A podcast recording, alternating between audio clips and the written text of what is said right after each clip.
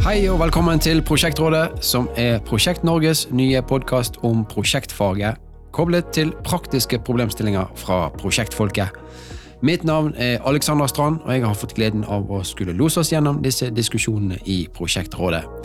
Med meg har jeg fast rådsmedlem Bjørn Andersen, som er professor ved NTNU og senterleder for Prosjekt Norge. Og I tillegg har vi to rådsgjester som vi straks skal introdusere. I Prosjektrådet har du mulighet til å lufte og få drøftet dine egne problemstillinger og erfaringer fra prosjektbransjen. I Prosjektrådet står vi klar til å hjelpe deg uansett hva du lurer på om prosjekt, prosjektledelse og prosjektstyring.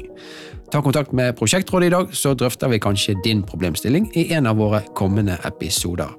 Send oss gjerne dine spørsmål inn på post krøllalfa prosjektnorge.no.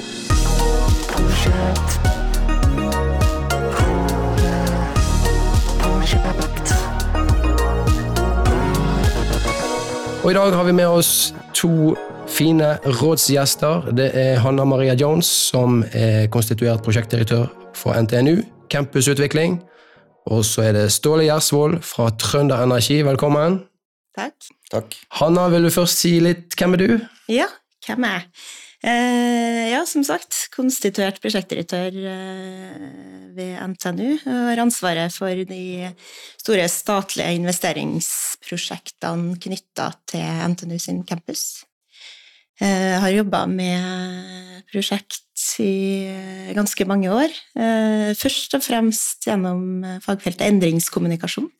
Jobba med å kommunisere og jobbe med organisasjonsutvikling som er trigga av store prosjekter.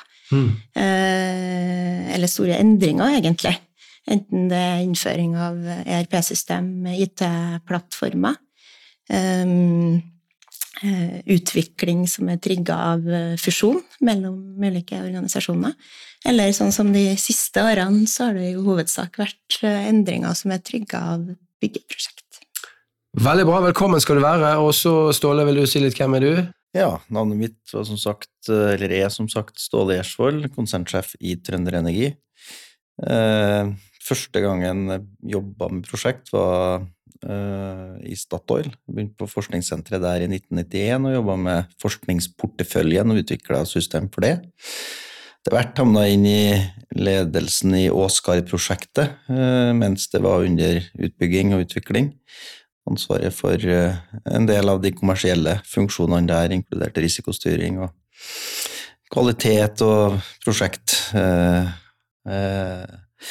økonomi etc. Eh, så hadde jeg ansvaret for Tyriansutbygginga og Asta Hansten i Statoil Equinor, og ansvaret for prosjektporteføljen som ikke var noe spesielt stor i, i Statoil fra 2007 til 2009 i USA. Men det ble etter hvert et prosjekt. en Peregrino som jeg hadde en del byggeprosjektansvar for. Og så i Trønder Energi har jeg bygd ut mye vindkraft. Eh, så variert erfaring, men ikke spesielt ned i byggedelen av prosjekter, mer på eierrollen og den sida. Veldig bra. Velkommen skal du være, du òg. Og så har vi deg, Bjørn. Vil du si litt hvem er du, og hva er Prosjekt Norge? Ja, jobber med prosjektledelse på NTNU som professor. Har jo holdt på med det i snart 30 år. Leder dette Prosjekt Norge-senteret, som jo er et senter der vi forsker på prosjektfaget, tar frem ny kunnskap, og så prøver vi å dele kunnskap. Mm. Og da er denne podkasten ett virkemiddel. Fantastisk. Og jeg er Aleksander, som sagt, og eh, er til daglig eh, leder i T2 Prosjekt Vest, og brenner for eh, utvikling og ikke minst kompetansedeling innenfor prosjektfaget. Så derfor liker jeg å holde på med podkast. Ok, Er dere klar for å gripe tak i noen spørsmål som har kommet inn til prosjektrådet? Og eh, Vi har valgt å gjøre det sånn at eh, personer som sender inn spørsmål, eh, og eh, organisasjonsnavn og sånt, holder vi anonymt. Sånn at eh, det ikke skal være noen problemer med å sende inn spørsmål som kan være litt vanskelig eller delikat. Så da eh, bare fyrer jeg løs jeg på første spørsmål. Kjære prosjektrådet. Jeg jobber som prosjektleder i et prosjekt som har gjennomført forprosjekt, og jeg har nå vært med gjennom flere år. Dette prosjektet har på en måte blitt babyen min.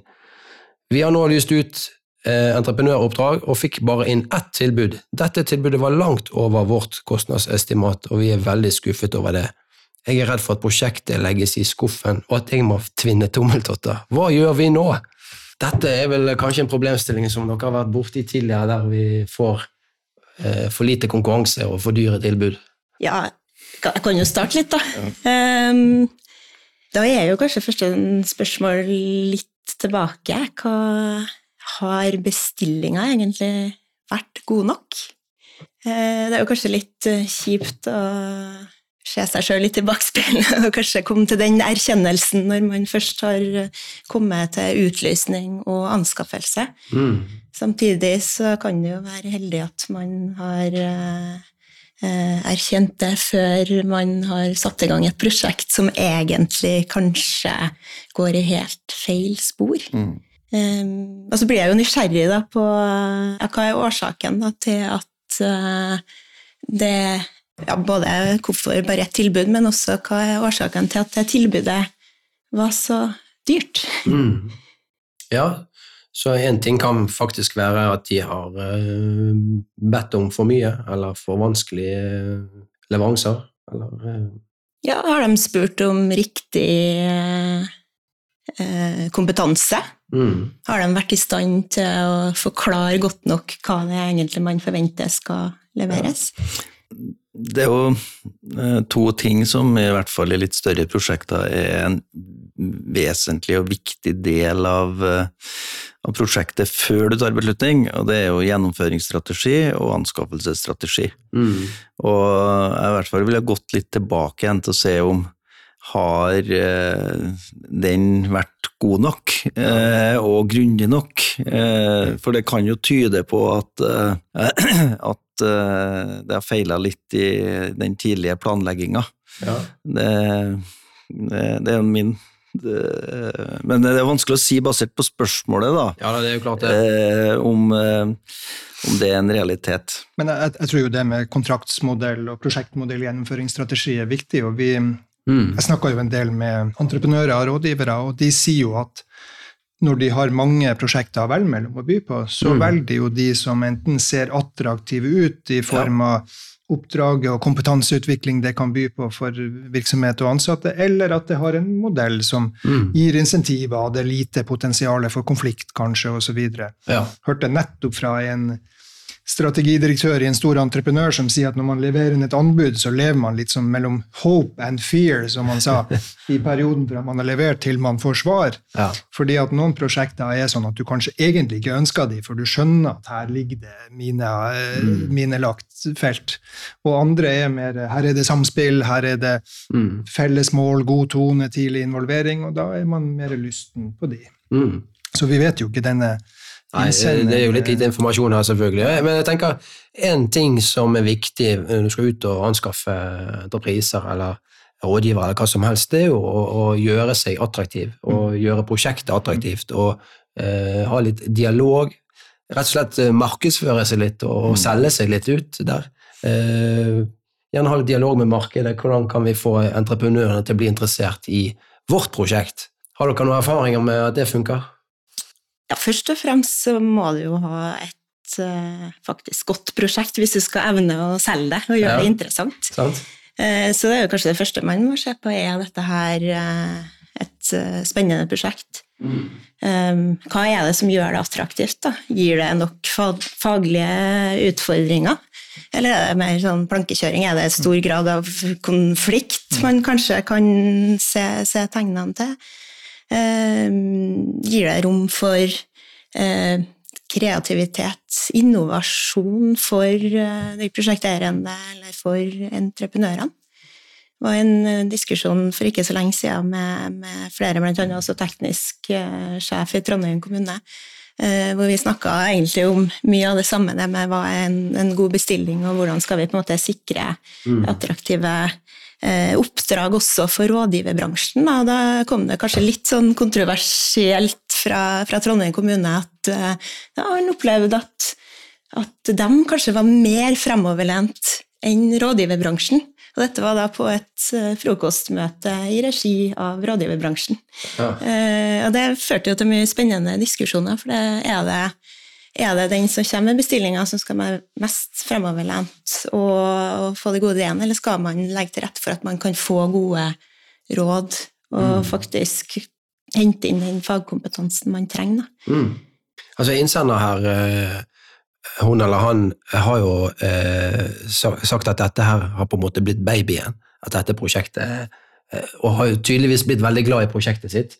Eh, og det kan jo kanskje være en liten sånn felle å gå i, hvis du tror at alle de andre rundt i verden er like interessert i prosjektet ditt. Ja, eh, det, det høres ut som det er et relativt lite prosjekt. Kan være der her med at en er redd for at det blir lagt i, i, i skuffen, da, og det er klart eh, eh, Da eh, Det er jo, og i hvert fall når en jobber med en portefølje av flere prosjekter i en organisasjon, så er det jo viktig også at en faktisk har en prioritering da, eh, Mm. på ressurser og sånne ting. Det kan jo være her at uh, ikke en har fått den riktige prioriteten uh, også, så Mm. uh, Og så skal en jo heller ikke alltid Det kan jo noen gang være riktig å legge et prosjekt i skuffen også. Ja. Det er viktig å, å, å, å poengtere, da. Ja, altså Markedet har ikke vi snakket om eh, nå, men eh, sant, det går jo opp og ned. Mm. Og eh, noen ganger eller Du var litt inne på det, Bjørn. Sant? Noen ganger er det mye eh, konkurranse, og noen ganger ikke så mye konkurranse. Men så står vi jo i en situasjon nå som er nokså ekstraordinær. Vi vet jo ikke hvor nylig dette er, da, men nå Mm. har jo kostnadene økt Ja, ekstremt. og absolutt. det, det hører jeg jo fra mange prosjekter, at nå, spesielt prosjekter som er kommet så langt at de kanskje begynte å gjennomføre, eller har lyst ut og får veldig økte kostnader, skal man enten da skal kostnadsramma økes fra eier, enten det er privat eller offentlig, eller skal man ta ned omfang, scope, funksjonalitet, eller skal det kuttes, bør ikke prioriteres opp. Mm. Og der tror jeg veldig mange prosjekteiere, kunder, nå vil stå i en, eh, et dilemma, rett og slett. Ja, absolutt. Nei, vi ser jo det eh, rundt i Kommune-Norge. Ja. Så legges jo det noen prosjekter i skuffen, Mm. rett og slett pga. strømregningen er for høy. Eh, Så de må prioritere. Ja. Skal vi ha strøm, eller skal vi ha prosjekt? Og kanskje er det rett, som du sier, Ståle. Det er jo en prosjekteiers plikt Mm. å prioritere en portefølje. Det, det er jo så har jeg en liten sånn eh, Ut fra det som ble sagt fra innsender her.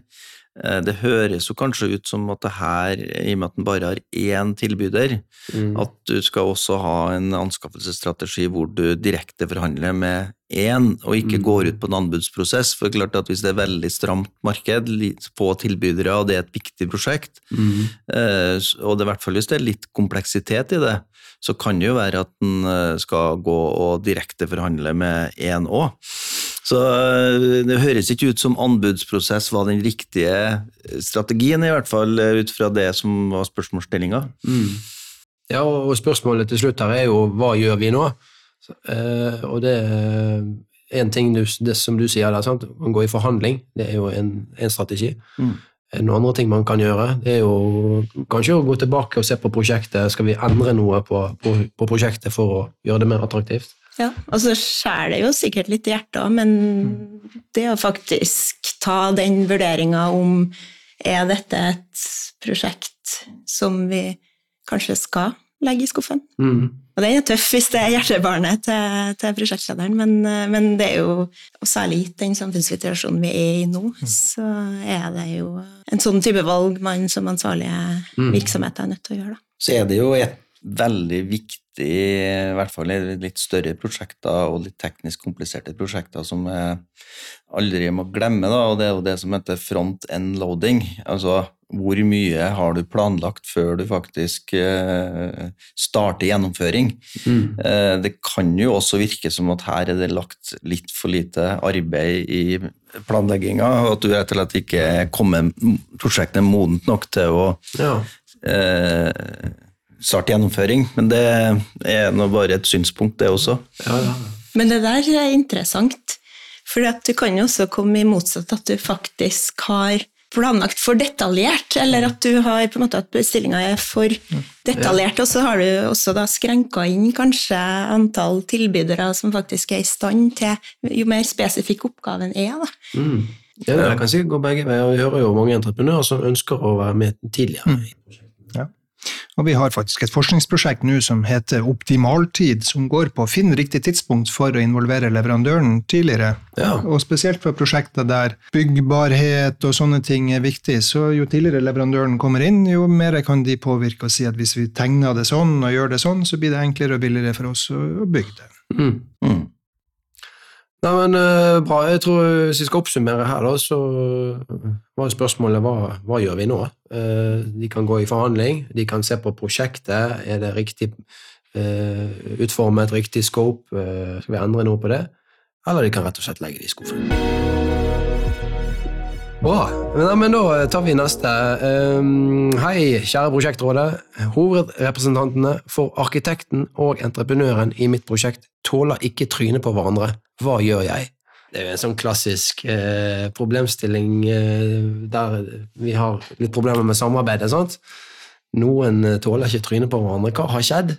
Har dere vært borti en sånn situasjon? Nei, aldri. Så heldig du er, da. Nei, det er vel en ganske kjent problemstilling. Ja. Eh, og det er vel kanskje også en ganske sånn kjent problemstilling at det nettopp er eh, ulike fagfolk som eh, står mot hverandre. Mm. Eh, det er vel ikke så uvanlig at eh, kanskje faglig konflikt kan eskalere og bli til personkonflikt. Mm, Ja, er det profesjonskamp, tenker du? Kan, kan være det. Ja. Eh, andre ganger så kan det rett og slett bare være at man ikke har den kjemien som Mm. trengs. Bare for å oppklare spørsmålet, hvilken rolle hadde han som hadde spørsmålet her? Var han sjefen til en av de to? Nei, det, det har de ikke skrevet, dessverre. Så jeg, jeg har tolket det som at det er en prosjektleder eller prosjekteringsleder. Ja, så, Ja. så det er en prosjektleder som har to i sin organisasjon, som ikke samarbeider. Mm. Eh, nei, det er jo egentlig veldig sånn Det enkle svaret er jo å få de sammen og prøve å få de til å uh, samarbeide og se hvor skoen trykker hen. Mm. Hvis ikke det fungerer, så må man rett og slett uh, fjerne en av dem. Mm. Eh, Eller begge. Eller, ja, eller begge. Det er klart, eh, det er jo ikke så lett å si hvor skoen trykker hen, men det å ha eh, to kritiske funksjoner som er avhengig av samarbeid og ikke samarbeid, det er jo en, en stor risiko i en organisasjon. Eh, og eh, som regel så venter en jo for lenge med å gjøre ting. Mm. Så det er jo bare å gå inn i problemstillinga, din som har et ansvar, og prøve å løse den, og hvis ikke så må man ta noen ubehagelige beslutninger. Ja, jeg er helt enig med altså Man må ta tak i det, og dette er en risiko for, pro for prosjektet. Ingen Mm. tvil om det. Og hvis, hvis man bare skyr unna det og håper at dette skal gå bra, så, så da, da dukker man jo unna det ansvaret man har. Men, men vi, har, eh, vi har litt sånn eh, katter og hunder her hjemme, og, og der ser vi jo at de som ofte er mest i opposisjon til å begynne med, så kommer et, et nytt individ inn i en flokk, så de som ofte krangler mest til å begynne med, de blir de beste vennene etterpå. Oh, ja. Så det kan jo være at med litt tålmodighet, så kanskje de her to, hvis at det er litt tidlig i relasjonen, og de, Ja, ja, ja. at når de har fått pussa av kantene på hverandre, så Mhm. kanskje de blir, de blir de beste. Men eh, det skal jo noe til. Og jeg vet jo at noen bruker jo eh, sånn en eller annen versjon av personlighetstest når man skal ansette personer i virkelig sentrale stillinger som må Mm. fungere sammen. Og hvis du da finner at det er helt inkompatible, sånn som du antyda, Hanna, at det er en kjemi eller en personlighetsstil som ikke går i hop, Mm. så kanskje man unngår å lage den komposisjonen. Så, ja. Ja, så tenkte jeg eh, akkurat det der med mm, samarbeid handler jo òg om at eh, man skal få til noe sammen. Mm. Og, og hvis hver, eh, hver aktør tenker på, på sin egen seg og sitt, så, så og man, Vi vet jo ikke her om de har gjort noe form for teambuilding eller sånn oppstartssamling i dette prosjektet, så det kan jo òg være noe å, å gjøre hvis det ikke det er blitt gjort. da. Ja, det er jo to ting, eller tre ting som er veldig viktig sånn i et prosjekt. Da. Det ene, ene er å definere målsettinga for hele prosjektet, og det andre er jo rolle, oppgang, sånn at det er en tydelig rolleansvar. og det tredje er å gå inn i grensesnittet. Ja. Og, og det er klart, eh, i en tidlig fase før grensesnittet er godt definert, så kan det jo være brytninger, men når man har fått det på plass, så kan det jo, selv om det ikke tåler trynet på hverandre, fungere godt side om side. Mm. Ja, da. Det er jo et eh, så det, Men det er jo viktig å ehm, prøve å sette seg litt inn i hva er årsaken til at de ikke Mm. tåler trynet på hverandre, før man eh, prøver å finne riktig virkemiddel. mm. Ja. Uh, for hvis det er en uh, ja, profesjonskamp, da, for det var en arkitekt og en ingeniør, var det Nei, det var arkitekt og entreprenør. ja. Ja, ikke sant? og da er det jo litt sånn En arkitekt kan jo ha sine visjoner om bygget og hvordan det skal se ut, og hva er det som er på en måte eh, gode, gode arkitektoniske løsninger. Eh, og så kan entreprenøren komme inn og si at nei, men det går faktisk an, vi er nødt til å ha disse støttesøylene akkurat her, for ellers så får vi faktisk ikke dette bygget til å gå opp. Ja. Da er det jo en, en, en eh, profesjonell uenighet i hva er det som faktisk er det riktige valget å ta. Eh, og da har man jo kanskje sprikende mål, ikke sant? Og det sprikende mål kan jo være krevende for samarbeid.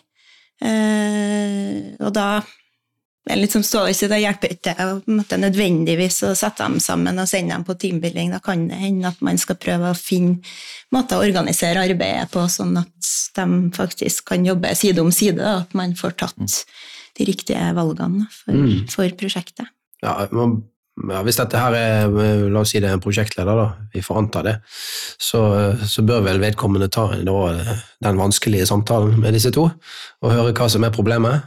Er det en prof profesjonell eh, uenighet om eh, fag og prosjekt, eller er det rett og slett en personlig eh, utfordring? Det kan Ja, det være første steg. Så er det jo selvfølgelig for seint for vår innsender her, men en luksus som man har i hvert fall i privat sektor, det er jo å bruke kjente team. altså Mm. La teamene gå igjen fra prosjekt til prosjekt, og dermed vite at du har folk som jobber godt sammen. Ja. Bra. Jeg tror vi sier at det er et bra svar til eh, den problemstillingen. Eh, så vi hopper til neste. Hallo, Prosjektrådet. Jeg jobber som prosjektøkonom i byggebransjen. Oljebransjen var gjennom en tung prosess med kostnadsreduksjoner i 2014-2015 etter påtrykk fra de store oljeselskapene. Finnes det potensial for tilsvarende prosesser i bygg og anlegg? Dette er jo en interessant problemstilling nå i disse dager der eh, inflasjon og byggekostnader går til værs. Ja, høyaktuelt, sier du. Ja, Ja. ja på Campus NTNU-prosjektet. Det koster vel eh, ganske mye etter hvert. Ja, stadig mindre nå. Da. Vi, har vært Stadig mindre, ja. gjennom, eh, vi har vært gjennom noen ganske kraftige kutt både i fjor og i år, både i omfang og eh, kostnad. ja. Um, hva var spørsmålet? Nei, det var, spørsmålet var om det finnes potensial for å gjøre tilsvarende kuttprosesser eller kostnadsreduksjoner som de gjorde i oljebransjen. da. Og hvis, nå kjenner ikke jeg oljebransjen så godt, men de var vel litt sånn ineffektive i, i prosessene sine før 2014-2015, når oljeprisen bare steg og steg og steg. Så det Nå jobba jeg i oljebransjen i 19 år i Statoil, eh, men slutta i 2010, så jeg kjenner ikke helt prosessen da. Men, men det som jeg har vært gjennom eh, i, i oljebransjen, eh, som har vært viktig, det er først og fremst det å eh, ikke planlegge på nytt hver eneste gang, men rett og slett mer standardisering. Eh, det har jo vært viktig element, for det er jo en tendens til at du designer liksom på nytt ting som skal ha samme funksjon. Så mer funksjonsspesifikasjoner og mer standardisering, det har jo vært viktige elementer i, i å få til billigere prosjekter. da. Ellers så er det jo hva er det som er driverne i et prosjekt. Det er jo naturlig nok eh, en del komponenter du ikke kan gjøre så mye med, f.eks. stålpriser på verdensmarkedet. Det er, jo- en del ting som Og sånn er det jo også i oljebransjen. Men det som er en stor forskjell tror jeg, med olje- og byggebransjen, det er det at de store oljeselskapene har veldig stor markedsmakt. Altså, de kan påvirke markedet, og det de gjorde eh, ut fra min eh, kunnskap og det jeg hørte, det var jo det at de rett og slett Det var et veldig stramt marked, prisene gikk opp, så kutta de mange prosjekter for å få ned egentlig eh, hva skal jeg kalle det, etterspørselen og, og lage mer balanse i markedet. Og Det er jo en utfordring kanskje som byggebransjen, i, som er veldig mange små eller mindre aktører da, i, et, i et større marked, kanskje ikke har samme eh, muligheten til, men det, det er noe mer en sånn hypotese fra min side, uten at jeg kan Jeg vet ikke hva du, Bjørn, eh, tenker rundt akkurat det. Du kjenner jo sikkert begge bransjene. Ja, det er klart komposisjonen av markedet er jo veldig annerledes. Som du kanskje en håndfull oljeselskap som kutta, tok ned etterspørselen, og, og etterspørselsdrevet prisøkning motvirka det jo med, med det. I byggebransjen har du tusenvis av kunder som, som kjøper, og selv om man prøver nok på de største kontraktene med litt sånn samordning med når man går ut med de store og prøver å unngå å presse hverandre, så tror jeg det har bare marginal gevinst. Men eh, jeg tror jo de, det store potensialet her òg ligger jo i industrialisering, mm. altså prefabrikasjon, ikke stå i all slags vær og bygge på en byggeplass og prosjektere alt på nytt hver eneste gang. Vi snakka litt faktisk i forrige episode om kan man lage et slags standard skolebygg, et standard eldrehjem, et standard sykehus, som, som gjør at du kan eh, gjøre dette mye billigere og raskere. Og det er nok ting man vil tvinges til. Enten må prosjektene i skuffen, sånn som vi hørte om forrige, Ja. er, eller så må man ta noen sånne grep, eller så får man bare ikke gjennomført disse prosjektene. Mm. Det er jo en erfaring vi har fra, fra byggeprosjektet, at det er, et, det er et stort potensial der nettopp for standardisering. Mm. og ved NTNU så har vi jo jobba i eh, de siste tre-fire årene nå med å få opp noen kvalitetsmål for bygg og eiendommene som vi utvikler. Ja. og det er jo en, en type standardisering. Mm. det finnes jo mye standardiseringer på sånn type kontorbygg, og i offentlig, statlig sektor så har vi også noen arealnormer og sånt å forholde oss til. Men, men vi har jobba med å eh, lage noen sånne overordna konsepter da, for de byggene som skal utvikles. Hva slags type læringsarealer skal vi ha? Hva er på en måte de viktigste kriteriene for å få til gode eh, forskningsarealer? Mm. Eh, og det ligger jo et, et veldig stort potensial der, da, at man måtte utvikle eh, ja, utvikle ulike typer arealer etter ulike eh, minstekriterier, kan du si, som kan detaljeres videre i eh, prosjektering. Så det er viktig at man ikke går for langt, men, eh, men eh, også at man klarer å sier, beskrive godt nok hva bestillinga er. For det, der ligger det en betydelig kostnadsbesparelse, altså hvis man bare gjør jobben godt nok i tidlig fase og faktisk er veldig tydelig på, på hva som skal komme. Eh, Da, er- da er man jo også bedre rusta til å faktisk kunne, kunne håndtere usikkerhet fra markedet og økning av byggepriser eller materialkostnader eller lønnskostnader. Jeg tenkte på det du sa, Ståle, eh, fra oljebransjen. Stoppe noen prosjekter eller legge de til sides. Eh, kanskje det skapte et insentiv for at de måtte finne mm, mer effektive løsninger og, og, og billigere løsninger. Eh, eh, kan, vi, kan vi si det sånn at eh, i byggebransjen er det òg en mulighet for å gjøre det, og det, det skjer kanskje nå, da, når vi ser at noen prosjekter blir stoppet pga. for høye priser? Ja, det er ikke noen tvil om at Norge har gått på høygir de siste ti åra. Det har vært veldig stor etterspørsel. Jeg sitter jo i styret i et eh, byggefirma som leverer glass Mm. til byggebransjen, og det er jo utrolig vanskelig å finne fagfolk. Eh, vanskelig å finne kompetansen som de trenger. Mm. Eh, stor, eh, og det er klart når hele markedet er under eh, anstrengt, da, under press, så er jo det prisdrivende. Samtidig som verdensmarkedet har gått opp på de store eh, materialkostnadene. Så det eh, Men vi får jo kanskje en hjelp nå av eh, inflasjon og eh, krig i Ukraina og andre ting som gjør at vi får en demping på økonomien totalt sett. Det, Ja. Eh, Men jeg vil nevne et eksempel for oljebransjen som eh, viser litt eh, eh, effekten av å gjøre ting likt. Da. Eh, akkurat når jeg begynte i 91 i Statoil, så eh, sank jo Sleipner. Mm. Eh, og det, det ble jo starten på Nordsjokk, uh, som var uh, noe hvor du skulle standardisere. For det de lærte på Sleipner, var jo det at de fikk, hadde veldig travelt og bygde det på nytt, og kostnadene gikk 30% ned. Ja. Med å gjøre tingene på nytt. Og det, det var jo en åpenbar stor krise, men samtidig utrolig mye læring i, og som førte til helt endringer i, i arbeidsprosesser. Da. Så det er mye å hente, i hvert fall, på det å jobbe både standardisert og på arbeidsprosesser og andre ting. Det er, vi har nok hatt en periode hvor det kanskje har vært litt mye spesialdesign rundt omkring, og så skal en kanskje ikke gå helt til Russland, hvor det er liksom samme blokka i uh, mange mils, uh, mils omkrets, men litt forskjellig arkitektur må vi jo ha. Men det er klart, det, det, det koster jo penger med, med å gjøre tingene på nytt hver eneste gang. Mm. Og så er det jo litt sånn at det ofte må en krise til for at man skal ha insentiv for å Mm. gjøre ting annerledes. Så det er Ja. nok det korte svaret at ja, det er helt sikkert potensial for å gjøre ting annerledes også i byggebransjen. Ja. Ja, men, ja. Et, bare et siste moment, det er jo noe vi har sett fra, fra USA. Der driver de og eksperimenterer med noe de kaller for operativsystem 2.0 Mm. for, for byggebransjen. Og det går på at du går fra eh, å, å finansiere opp et bygg, du kjøpte og eide og drifta det, til at du mer eh, tenker en slags leasingmodell. ja.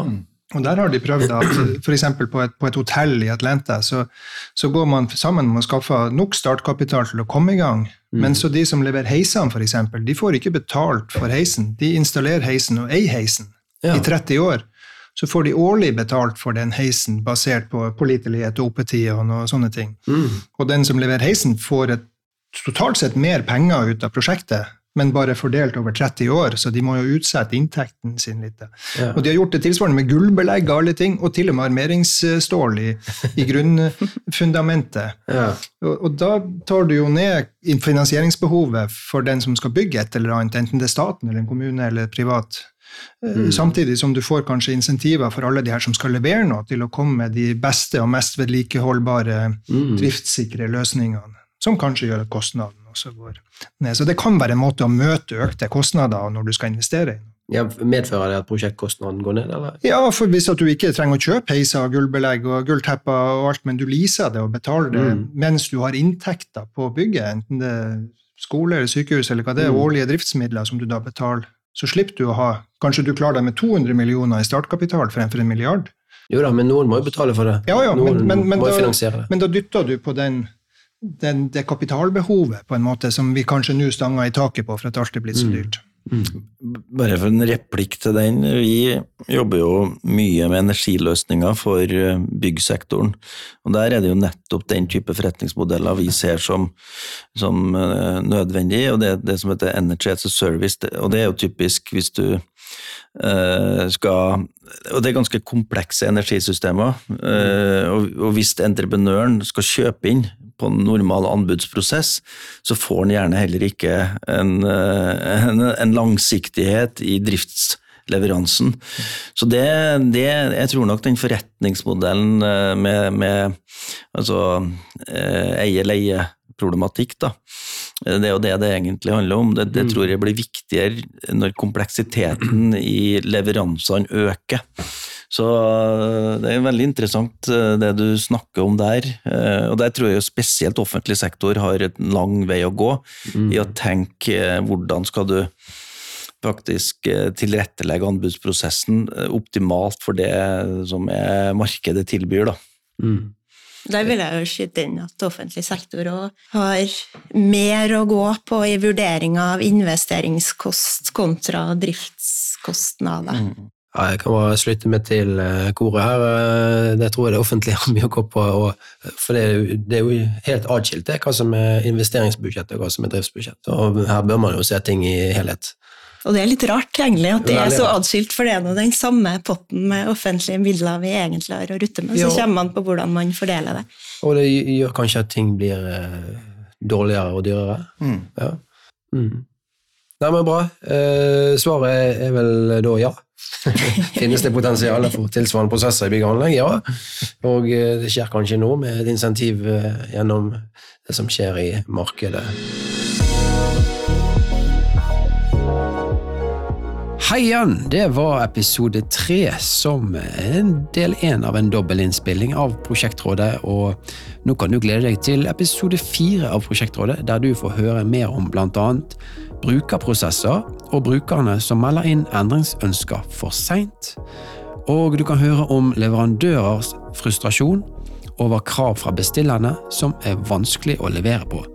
Glem ikke å abonnere på Prosjektrådet i din podkastspiller, så er du sikker på å få med deg alle episodene når de kommer ut. Prosjektrådet er Prosjekt Norge sin podkast om prosjektledelsesfaget og kobling til problemstillinger i praksis. Står du i en vanskelig situasjon i ditt prosjekt og lurer på hva du bør gjøre? Har du et prosjektdilemma som du ønsker innspill på? Har du en vanskelig ledelses- eller samarbeidssituasjon i ditt prosjekt? Har du erfaringer fra situasjoner som du kanskje tenker kunne vært løst bedre? Eller kanskje du har gode erfaringer fra et prosjekt der alt gikk på skinner? Prosjektrådet lytter og diskuterer gjerne eh, uansett hva du ønsker å dele. Ta kontakt med Prosjektrådet i dag, så drøfter vi kanskje din problemstilling i en av våre kommende episoder.